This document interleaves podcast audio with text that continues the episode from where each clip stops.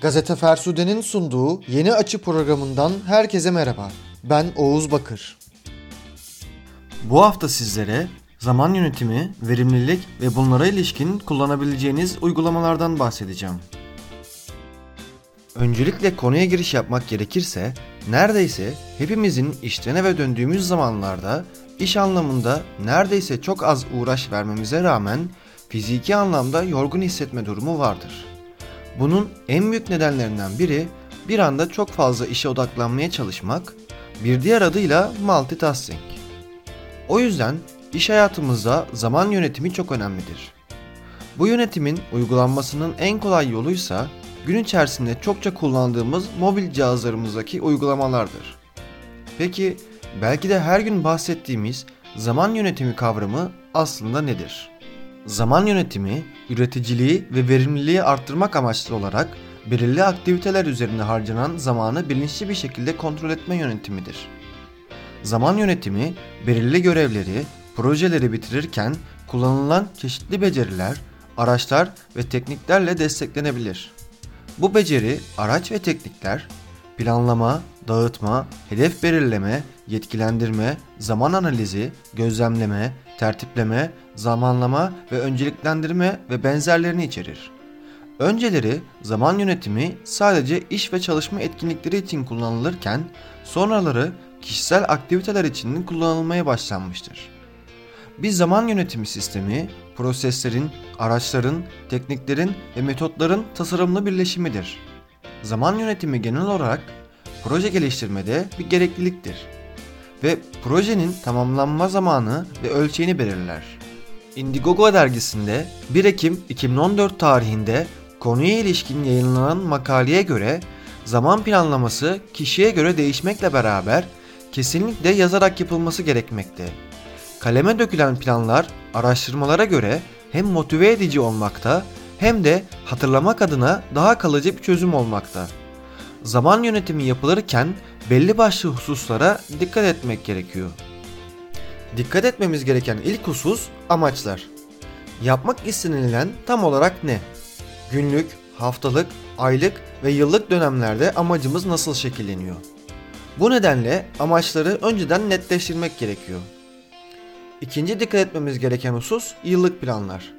Günler haftaları, haftaları aylar, ayları ise yıllar kovaladığı için bir yıl içerisinde yapılacak önemli olan şeyleri belirlemek gerekiyor.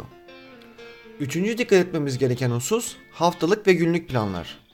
Haftalık olarak bir program hazırlanması günleri daha net ayarlamamıza yardımcı oluyor. Günlük planlarsa saatleri verimli kullanmayı sağlıyor. Tüm planlar yazarak yapıldığı için unutulması riski de ortadan kalkıyor.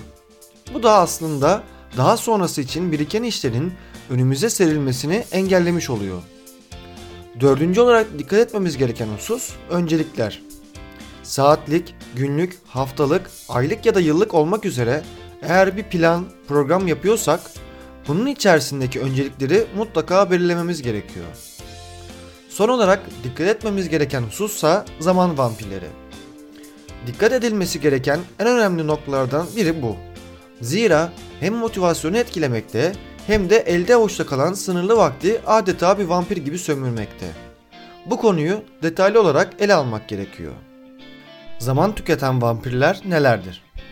Her ne kadar bir programa bağlı kalıyor olsak da bunu engelleyen bir takım faktörler ortaya çıkabiliyor. Bunlardan biri telefon görüşmeleri. Gün içerisinde gerek işimiz gerek özel konularımız gereği telefon görüşmeleri yapmak zorundayız.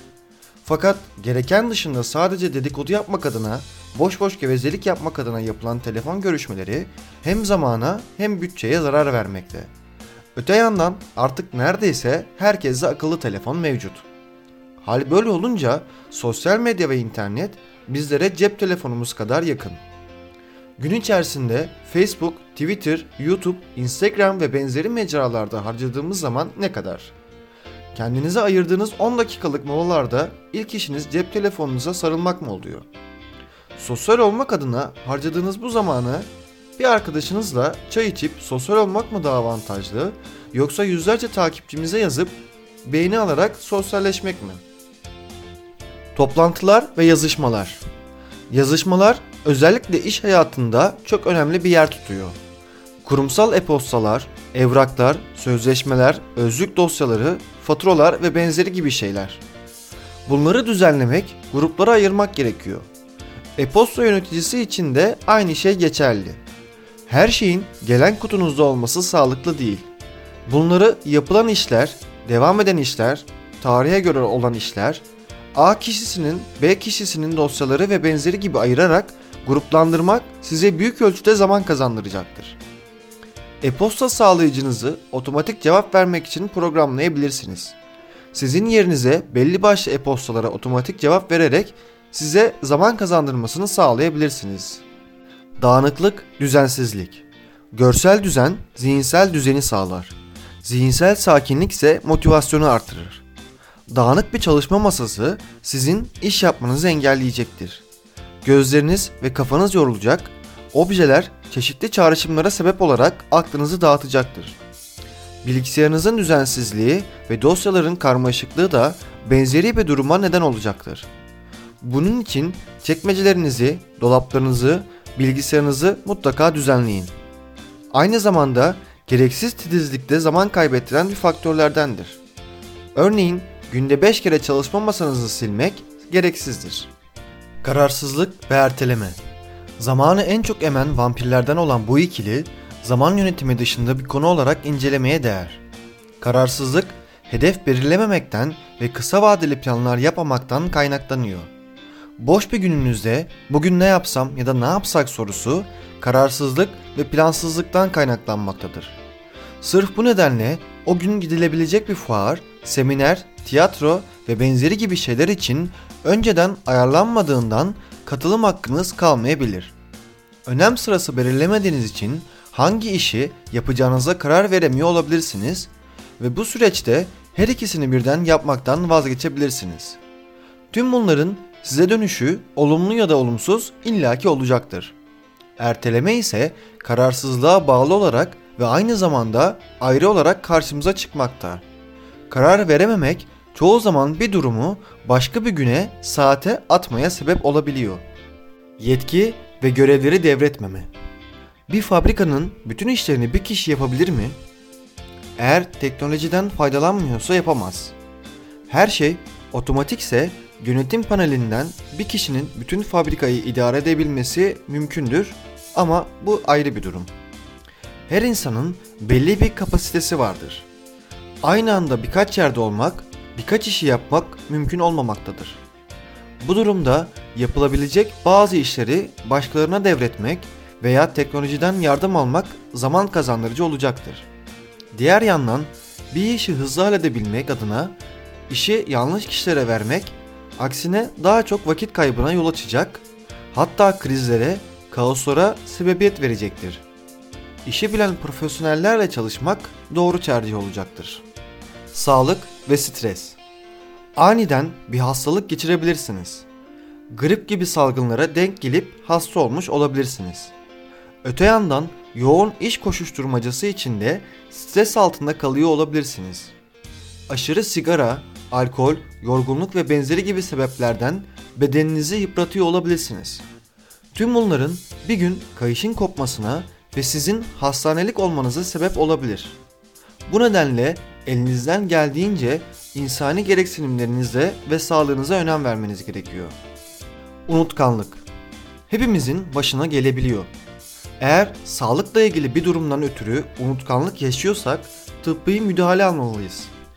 Dikkat eksikliği, yorgunluk ve benzeri gibi nedenlerden dolayı bir unutkanlık yaşıyorsak o zaman not alma konusunda kendimizi geliştirmeliyiz. Mobil cihazlarımızda kullanılan basit not alma uygulamaları hayatı oldukça kolaylaştırmakta. Alarm kurmak, sabah kalkış saatlerini telefona haftalık olarak kaydetmek ve benzeri gibi yöntemler de unutkanlığı ortadan kaldırabilmektedir. Zaman yönetimi konusundaki mobil uygulamalara bakacak olursak aslında sayısız uygulama listesi sıralayabiliriz. Ama 3 tanesi hepsinden hem kolaylığı hem de bir nevi popülerliği ile öne çıkıyor. Bunlar Evernote, Trello ve Todoist. Bu uygulamaların elbette detaylarına girebiliriz. Ancak kabataslak durumda olmamak için Uygulamalardan özellikle öne çıkan Trello'yu haftaya ele alacağız. Bu haftaki yeni açının sonuna geldik. Haftaya görüşmek üzere.